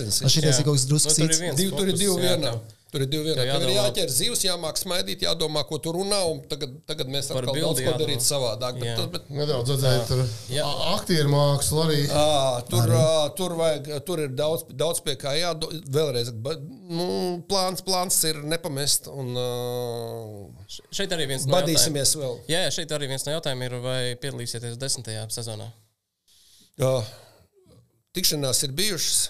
ā, Kad par kaut ko no tā drīkstēs runāt, tad arī jo, tur, tur ir līgums, tur ir lietas, par kuru mēs jau tā daudz Jā, runājam. jā, jā. Uh, un, uh, protams, arī jautājumi ir par, uh, Par līgumu par, par naudas lietām. Arī, protams, ir cik dalība maks, izmaksā. Tur jautā Andris Veisvērdiņš. No. Daudz. No aptuveni. Va, vairāk nekā, es domāju, ka uh, naudas ziņā vairāk nekā mums izmaksāja četras sezonas Latvijas čempionā. Tas, ko Mārtiņš pašā sākumā teica, tā vajag uztvert to visu pasākumu. Viņš ir ļoti interesants ar labiem, spēcīgiem sportistiem, bet primāri tas ir šovs. Un Reklāma. reklāma, reklāma mārketings. Un uh, tajā, visā, tajā, reklāmas. tajā visā ir jēga iet iekšā tiešām ar biznesa ambīcijām, ar, ar vēlmi paplašināt savu to arī aptverst eh, teritoriju, ka Savu uzzina. jā, jā. Tas nav tā kā izdomāt, eh, mēs ar Renāru tagad izdomājam, oh, gribam parādīt, tur kā ķert asarus. ja. Nu, Nu, var, var tagad, var mēģināt, tagad viņi ar šo gadu ieviesa. Uh, challenge tūris, uh, ka tagad jebkurš, kurš grib, var pieteikties un pa 500 eirikiem startēt un cīnīties par vietu tajā pērčprā un tā tālāk. Uh, mums, kā dalībniekiem, uh, ir tas viedoklis, ka viņi ar šo mazliet devalvē tā šova vērtību. Jo agrāk, lai tu tiktu iekšā, tur bija vajadzīgs, kā, kā mēs tur cīnījāmies, lai tiktu iekšā, bija vajadzīgas rekomendācijas no uh, zināmiem cilvēkiem, tā tālāk. Tā tālāk. Šobrīd pastāv versija. Nu, es, ne, es nezinu, kā viņi tiks galā ar to visu, kad iekšā var tikt gandrīz vai jebkurš. Nu, labi, ne jebkurš, tāpat tur ir vajadzīga nauda, lai aizbrauktu, lai piedalītos un tā tālāk. Bet uh, vai šaus no tā iegūs vai nē, pāragri spriest. Uh, tie džeki nav pirmā diena pīpa uz jumta, viņiem katru dienu kaut kas jauns kanālā parādās. Un, uh, nu, tas ir viņu šausmas jāspēlē pēc viņu ir noteikumiem. kaut vai tev jāmāk angļu valodā runāt. Ja, Jā, tu tev tu, tu jāspēj savādāk šovā nedari. Jā, Ja. protams, protams. Un, un, un arī, kad tu vari kaut ko parādīt, viņam jau arī interesē tomēr kaut kas no tāds unikāls, specifisks no produktiem arī. Tas, ka tur Skandināvijā arī ir daudz, kas māca ķert asars. Tas nav tā, ka, tas nav tas tā vieta, Viņi kur. savus asars māk ķert. Jā, tā nav tā vieta, kur it kā tu rādi, kā tu māki ķert. Ja? Nu, tas viss jāsaliek kopā. Produktu promo, nu, parādīšana, attīstīšana un tā tālāk. Nu, tā, teiksim, tā visā arī pārējās komandas nāc, gāja ar tādu domu, tur nevis vajag uzvarēt, bet uh, to rekomendēt. Atrādīt. Visi cīnās par uzvaru, un mēs Mēs arī cīnījāmies par uzvaru, bet mēs pēc treniņiem sapratām diezgan skaidri, ka mēs šajā šovā šogad par uzvaru cīnīties varam tikai ļoti veiksmīgu sakritību rezultātā, kur kādam kaut kas nesaliekās, un mums kaut kas saliekās vairāk nekā tas ir iespējams tajos ūdeņos. Bet kāpēc? Uh, nu, mums bija, saku, ja mēs būtu no krasta dienas iznākuši ārā ar trījiem punktiem, mums bija cerības, bet krasta dienā mums. Uh, Nu, es nezinu, vai tā ir taisnība. Es nezinu, ko, bet tur, kur mēs treniņos ķērām 43, 44, 45 asarus, nu, nu ne, ja neteiksim, kāds 46 ložmet, ja, ja ne gluži uh, ložmetēji režīmā, uh, tad uh, mēs nedabūjām zīves. Mēs gājām, un tur bija tāda sajūta, ka kāds tās vietas ir vienkārši, piedodiet, izdrāzis. Ja? Pī. Un līdzīgi bija. Mēs neliekam. Nē, nē, neliekam, neliekam pīju, jo izdrāzt copas vietu uz lielo asari nav grūti. Tur atliek uh, vai nu paņemt ar motoru, nobraukt gar tām salām kārtīgi 3-4 reizes, un tā zivs tur nedēļu vai divas neatgriezīsies, jo tā bija unikāla vieta. Tas bija peldošs purvs ar dziļumu gar krastu 3 metri. Ar lūpu zem sevis mēs staigājām asariem pa galvu un mānījām Zivs palien apakšā. Jā, tāpēc mēs tur gājām ar jaudīgiem rīkiem, ar esniem mm. fļuriem. Tāpēc mums bija atāķētājs līdzi, lai, teiksim, ja ieķerās māneklis kanti. Jo tur bija tā, ka, ja zivs ir galā, tev viņi ir jārauj vienkārši ar spēku ārā. Jo tikko tas asars aizies te apakšā saknēs, tā ir tā, tā viņš mm. tur vienkārši noraksīs. Ja? Un mēs visi bijām šo izdomājuši, pārdomājuši tā. Un tā taktika īstenībā bija ļoti laba, visam bija jānotiek, bet, Un- bet vēlāk atklājās arī to, ka mūsu tās, tās ūdens, kurā mēs ķērām tos pirmās dienas 180 zivs, viena no citām komandām, kas startēja turpat netālu, to ūdeni bija pirms tam nobradājusi. Un, uh, pateikusi, viņi vēl pēc tam teica, mēs brīnamies, kā jūs tik daudz zivs tur dabūjāt. Mēs tur uztaisījām prefishing, mums tur netuvu nesanāca tāda rezultāta. A, tas mums atkal atbildēja, kāpēc 5-6 no mūsu vis top 6 točkām klusēja. Un tā kā kapitāla Un nevis tā, klusē. ka, teiksim, nu, jo mums tur bija tā, ka tur 30, 35 zona un pēkšņi plēnkšķi lielā zivs.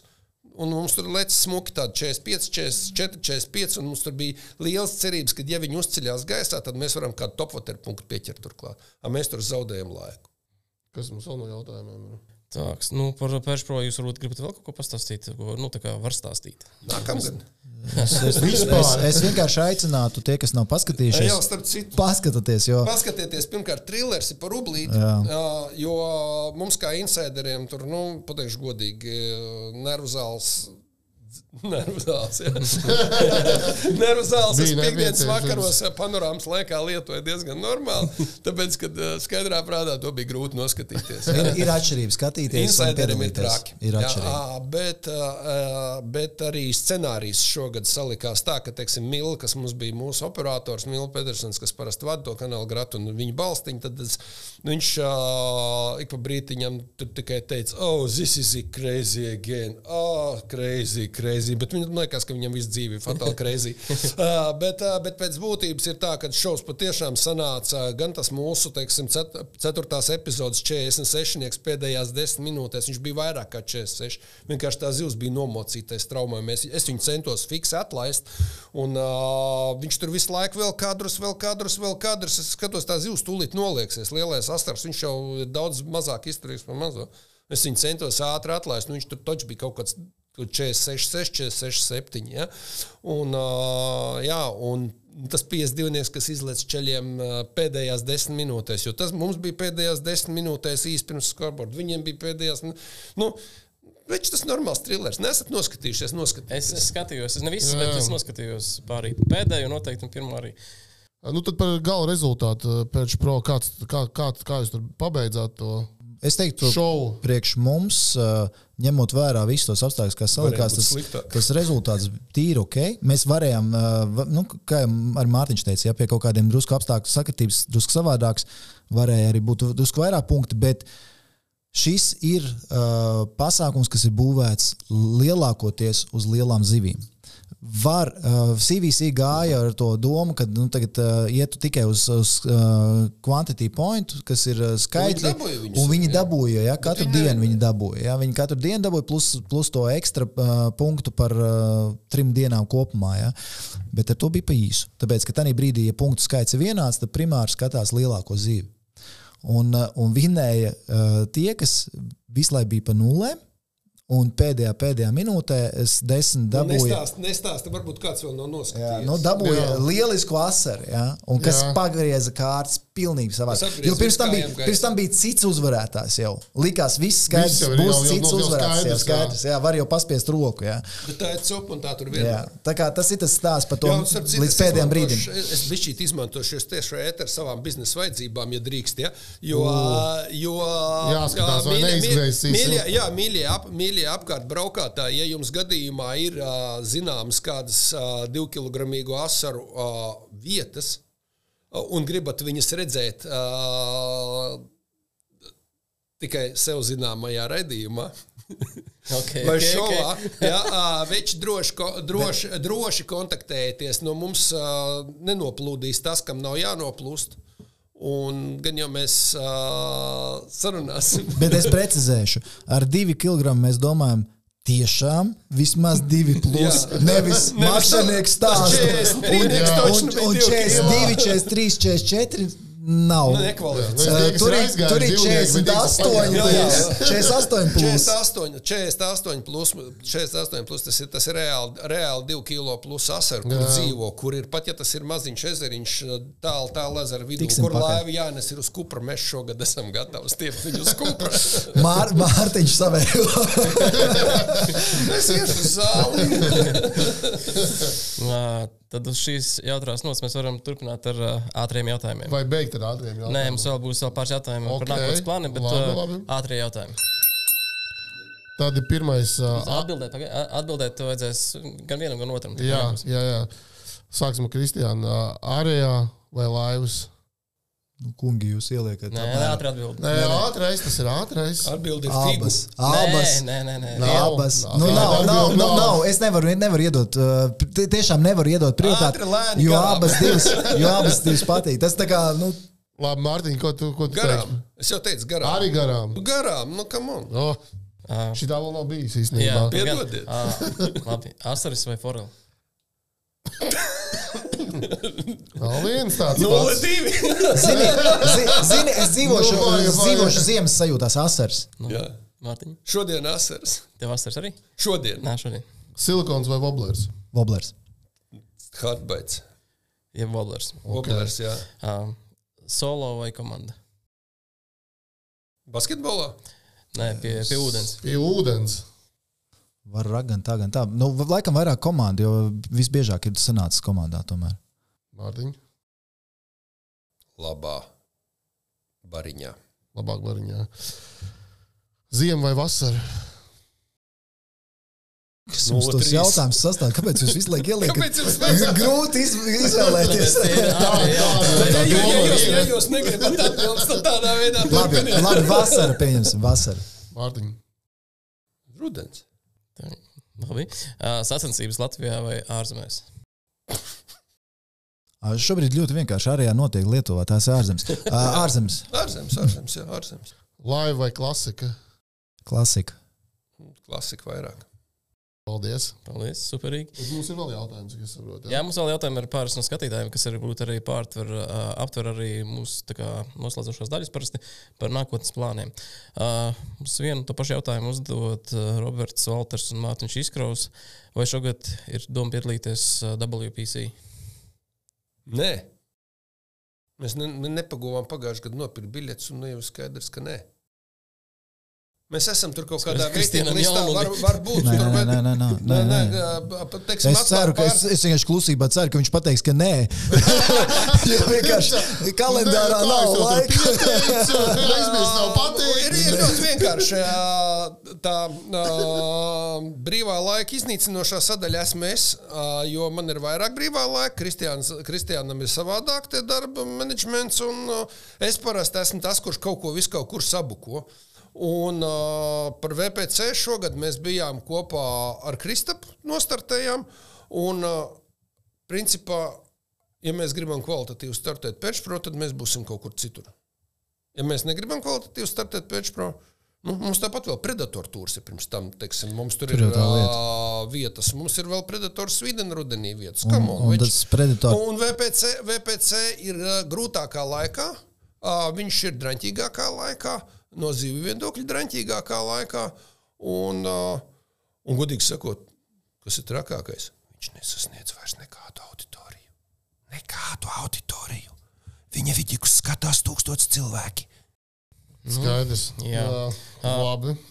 Ā, labi, vēl, vēl vienu jautājumu no skatītājiem arī par uh, Normanda Vingrauska. Uh, jūs esat uh, Garmin Predator Rīga minējuši, ka pēc, ka bez Pērča Pro startēsiet arī kaut kādās citās sacensībās. un Jāpraksta līgums, kaut kas tam līdzīgs, vai izdevās. Par ko es runāju, man nav nejausmas, bet Esam procesā, process ā, vienošanās ir, ir process, ir neskaidrības. Teiksim tā, latvieši nav slikti džeki pie zviedru galda. Un uh, viena no lietām, viņa tikai viņam teica, ziniet, veči, paldies, ka uzaicinājāt pie galda, mēs arī dzersim. Ja, tad, pārunas vēl notiek. ā, Nu, mēs ne, ne, ne mēs pārstāvam lielāko tirgu Eiropā, ne mēs esam maksātspējīgākais tirgus Eiropā, ne mēs, esam, ne mēs pienesam milzīgu auditoriju. Ja, tad, tad mums ir un būs jācīnās par katru vietu tur.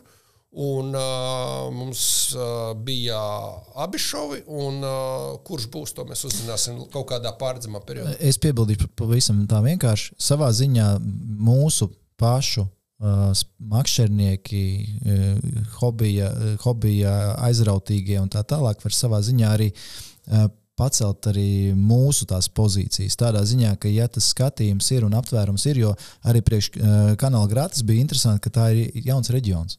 Ja, Baltijas valstis nekad nav bijušas, un viņas ir savā ziņā jauns reģions. Un viņi arī skatās un vērtē, cik daudz liela ir interese arī no šī Vēl reģiona. Viņi šausmīgi lasa komentus. jā, Ja? to, to viņi domāju. reāli lasa komentus, un mēs jau zinām, kādas būs izmaiņas dēļ komentiem. Ja, o, nu, okay, tie ir līguma nosacījumi, par tiem nedrīkst runāt, bet izmaiņas pilnīgi noteikti arī pērčprā būs. Un uh, latvieši, ko varētu darīt? Uh, ja jūs gribat redzēt tur mūsu vai, jeb, vai kuru citu no mūsu reģionu, uh, uh, ielikt laiku ir cool. Uh, bet Kaut ko tur- iekomentēt. Ja, jo, Renārs teica, vecie kraķi, nu tu vismaz pasaki, ka vecie kraķi Jā, sarunā. jā, jā, tieši tā. Domāju, vecie kraķi raujam, raujam, raujam.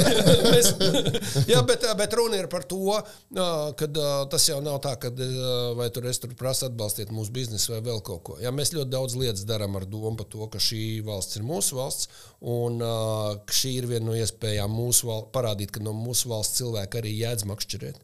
Un kamēr mums ir ne, ne tik vienkārši. Uh, un uh, varbūt īsumā, kur mēs jūs redzēsim 23. gadā bez šī. Nu, sacensību, predatori kalendārs. Nu, šeit kā arī jā. Ārējā 100%, Jā. gan pavasars, gan, gan rudens. Pavasarī vēl mum, ir arī, mēs sāksim pat īstenībā. Mēs sāksim sāks ātrāk. ātrāk, Mārtiņš sāks vēl ātrāk. Viņš sāks Ar Renāru ar Renāru, Andi un Elviju Holandē. Pēc tam būs desants uz Poliju marta beigās, un tad sāksies jau, jau ārējā sezona. Tā kā visi, kas vēl par to domā, uh, dodat ziņu mm -hmm. man, Anatolijam vai, vai kādam, Man kas tajā visā ir. jaunajiem. O, tu patulnās. Pēc tam, pēc tam ir uh, pa vidu. Mēs sapratīsim, kas mums ir ar, ar tiem šoviem. Jā? Iespējams, ka Nu, tur mēs tur par šoviem kaut kur tuvākā parādīsimies, bet to vizuāli redzēsiet noteikti vēl vēlāk. Uh, Pēc tam rudens sezona, kas ietver sevi arī pasaules čempionāts uh, uh, Latvijā, uh, Jā. laivās. Jā. Mēs, ne, liel- mēs nepiedalāmies kā, kā dalībnieki, bet nu, Bet, Trenēsiet? Mums ir uzaicinājums, mēs uh, gribam, bet mēs negribam uzņemties, ko mēs nevaram fiziski izdarīt. Uh, ja mums ir Laiks, jāskatās, jā, mums ir arī reika. Ja? Un, ja mums ir rudens filmēšanas laiks Skandināvijā, tad, uh, tad ir šausmīgs grafiks. Un, uh, tas, tas, tas, tas arī ir tas, kāpēc mēs šūpojamies. Mums bija stabils plāns par diviem eventiem šogad, un uh, vairāk sākām šūpoties mēs, un tad daļa mūsu šūpošanās sāk šūpoties vēl kaut kas. Tad redzēs, kā dašūposies tas viss līdz galam. un, un arī ir pasaules čempionāts tepat mūsu kaimiņos, Lietuvā. Jā, Lietuvā. Jā, Un, un skatītājus. mēs centīsimies arī Mums ir divi parādīt. parādīt. ar mēnešu spraugu pa vidu, pie tam, ja mums ir abos jābūt klāt, tad johaidi un pa vidu vēl kaut kur jāfilmējās, uh, tas, tad tas izslēdz kaut Pilns kādu slodzes darbs, tas izklausās. Jā, un, un, un, jau sen ir pilns slodzes darbs, šis ir vairāk slodžu darbs vienā maiņā. Ja? Tā kā, tur, tas, tas nav. Un, Tas, un, tā, tas traki. un tā doma arī ir Un mēģināt. pat nerunājot par finansēm, ko tas paņems. Runa ir tīri par laiku, fizisko spēju to izdarīt. Un tā doma ir mēģināt arī parādīt ja, kaut ko tos mačus, to sajūtu un tā tālāk arī tiem, kas, kas no malas sekos. Un savā ziņā ļoti forši, ka ir tāds arī bloks, ja, kas, kas dod vēl papildus tādu, tādu ieskatu tajā visā uh, virtuvītē, kā tad īstenībā tur ir iekšā. Mēs arī centīsimies, mēs ar Renāru esam runājuši par to, ka mēs centīsimies tik līdz sezona sāksies, ka mēs mēģināsim atspogu, atspoguļot rezultātus nu, ne tik, nu, vairākās disciplīnās. Un, uh, lai cilvēki Jā, jā, vairāk tā kā informētāk runātu pastāstīt par, par pašiem arī sportiem, ka nav tikai vienkārši kaut kāds uh, Facebook posts, kurā ir vārds uzvārds, kas nu, varbūt neko neizsaka. Tas ir, jā, tas, tas ir primārais uh, informatīvais līmenis, ko tagad ir sākuši piecēt, beidzot piekopt daudz disciplīnas, jo agrāk arī tā nebija. Uh, Baigi forši bija mačs, uzvarēja tas, tas, tas, super, bet uh, insider info trūkst katastrofāli. Un es pieļauju, ka tiem, kas piedalās, vienkārši fiziski nav laika. Jūs taču paši to labi saprotat. Ir vienkārši tas, tas vienk saspringt un uzrakstīt labu atskaiti. Tās ir divas, trīs stundas dažām rindkopām. Ja? Un, Ne, bet tas ir vajadzīgs, jo tās ir emocijas, kur tas cilvēks var padalīties ar citiem un ieinteresēt. Un kaut vai kaut kāds špikerīts apmēram, nu kā viņš to izdarīja, ja? kā viņš sasniedz tos rezultātus. Jā, daudz... starp citu, mēs par tiem jauniem, kamēr neaizmirstam par reiku, ja mēs šodien darbā Ar, ar, precizēsim par par dīķos. Mums ir izstrādāts tagad tāds maziņš komplektiņš, viņš varbūt ir mājaslapā jau vai nav, kad iznāks tas šovs ārā, bet vienalga Gehluts šogad jaunpienācējiem, tad, tad tur ir vairāk kritēriju. Pirmais, tur nekad neesi startējis RA čempionātā. Otrs, jā, tev ir jāpiedalās mačos, tad tu saņem tos mačus apmaksātus. Pie mums tagad ir tāds, ka tur, ja nemaldos, apmēram 200 eiro robežās ir salikts kvalitatīvs spinnings spola auklam. Un uh, atlaide ir vienu maču dalības maksas apmērā. Tad, tad uh, pavasarī mums ir četri mači. Uh, un, ja kāds ir tā kā ar pilnu jaudu nolēmis iet iekšā tajā pasākumā un skatās uz budžetu, tad mēs tos četrus, tos četrus mačus, jo sanāk viena mača, otra mača un Latvijas čempionāts divdiennieks. Tad, uh, nopērkot pie mums četras spinnings dalības maksas, viņam vairs nav jāmaksā. Četras komplektiņas paņemot, mēs tur tos, tos, tās dalības maksas nosaksim, pārskaitīsim viņas uh, Freilīgai. Okay, un uh, kā tiem, kam jau varbūt kaut kāds uh, mikro-džig komplekts ir un grib pamēģināt? Viņš kā var Viņš var piepirkt vienu klātu, vienu kādu dabūs viens mačs par brīvu, divas nekad divas mačs par brīvs. Jā. Un pie tam tie kāti ir tādi, kad viņi ir ā, derīgi ar rēkai, pilnīgi noteikti. ā, Bet ā, viņi noteikti nav derīgi tikai ar rēkai. Viņi ir derīgi arī daudzām citām lietām. Tā kā, ā, tas, tas ir vienkārši tā iespēja iekāpt ārā un izmēģināt. Un nepalikt nekādā veidā materiāli cietušam. Un, un ir vēl viens liels pluss. Uh, Latvijā tagad tomēr ir krietni lielāka izvēles iespēja arī tiem, kas tajā visā ne tikai ir iesācēji, bet arī jau, jau iekšā. Ja? Jo tas inventārs un mānekļi un tā tālāk jau arī Latvijā ir šobrīd jau pieejams tas, kas agrāk nebija pieejams. Jā, no savas puses varētu pieminēt to, ka uh, rudenī notiks pasaules čempionāts pat kaimiņos Lietuvā, kas ir tā kā divu stundu braucienā dīķis. Uh, skatītājiem ļoti skatāms sporta veids. Uh, Ir plāni. Jā, plāni, tā kā ir plāni, ka skatītājiem nebūs savējā jākāp izlase. savās mašīnās. Jo- Ir pat doma tāda, ka, nu, redziet, lai, lai izdodas to materializēt, ir doma, ka Ehalots apmaksās autobusus vienkārši tiem, kas grib braukt skatīties, atbalstīt Latvijas komandas. Super. Vienīgais, tā- tā jautājums, kas, labi, jā. vienīgais jautājums ir, tas visticamāk ir rīts vakars pasākums, kad no rīta aizved vakarā atbrauc atpakaļ. Nu, nakšņošanas iespējas es labprāt uzsaucu, bet es pieļauju, ka tur būs ar pečē dalībniekiem aizņemts tuvākie 50 km. Un uh, varbūt šādā veidā var atvest Japāņu sportistus no Japānas. Ā, Ja viņi ir mieru braukt ar autobusu, Viņi, viņi ir maziņi, kompakti. Viņus var noteikti vairāk, vairāk sasēdināt. viens lido divu bagāžā. Jā, Nu, Tas tāds inside joke, ja, kas, kāpēc mēs iesmējam par Japāņiem. Japāņi ir tie, kas atsakās piedalīties pasaules čempionātā vai kas tur īsti Viņi, viņiem vienkārši ir ļoti, ļoti daudz ekstra augsta līmeņa sacensību. Viņu Mājās. kontinentā, ja. Uh, un, Viņu kontinentā. Japānas kontinentā. Viņi, tā, viņi ir savā dzīvē, galaktika būvēts ap to. Ja? Viņ, viņiem tas tiešām ir iekšēji. Un jāatcerās, ka ārējā ja, Japānā ir ļoti jau ar, ar saknēm disciplīna, ļoti sena disciplīna. Viņiem ir ļoti daudz brendi, Arī mānekļi, ražotāji pat radušies tieši šai disciplīnai. Tas nav tā kā pie, ražotāji klāt. Ja? tur. Tā kā, tā kā šeit ir jāsaka tā, ka viņi, viņi pagaidām visticamāk nesaskata sevī tādu aicinājumu pamēģināt spēkus pasaulē. Ja? Mēs, mēs, saskatām- mēs, Jā, mēs saskatām pasaule to. pamēģina sacensties ar viņiem. Jā, mēs, mums būtu interesanti, protams. Būtu interesanti. Tā kā, Bet, kā lai saka, es domāju, ka viena no mūsu nākotnes plāniem varētu iekļaut, ka mēs aiz- aizlaižam uz Japānu nostartēt kaut kur. Iz, izmetat Tas tādu būtu tā kā challenge viņiem. Cimdu? šis, šis, ir vēl, šis, šis ir vēl viens pluss šai disciplīnai, tādā ziņā, ka tev ērtāk, vieglāk ir pārvietoties, ceļot un piedalīties dažādās sacensībās. Relatīvi maz Tev bagāžu. mazāka bagāža, tev mazāks laiks vajadzīgs, lai tajā, tajā vietā tu pielāgotos tai vietai. Un, un, Aizlidot ar barībām varētu būt daudz grūtāk nekā aizlidot ar mazu hardbaitu kastīti un dažiem spinningiem. Labi, labi, Tā, mēs- to citreiz varam izrunāt. Ja mēs drusku, jā, drusku pieskārāmies tam arī vairāk, ja, tad uh, par uh, iepriekšējā epizodē mēs runājām ar uh, Normundu par to, ka uh, varbūt Olimpijādē kādreiz tiks, uh, bet viņš saka, ka netiks, jo dēļ dzīvnieku aizstāvjiem. Es domāju, ka dzīvnieki aizstāv. Var tā padomāt? dēļ- Jā, jā, jā, es domāju. Jo, jo no vienas puses šī, šī ir tiešām disciplīna. Es piekrītu Normundam tajā ziņā. Es noklausījos interesantu nu, interviju. Viņu var, viņu var uh, uztaisīt tādu maksimāli sportisku. Ja? Tu vari uh, uzlikt tā, ka viņu ir, tie cilvēki ir redzami, uh, visa dinamika ir redzama.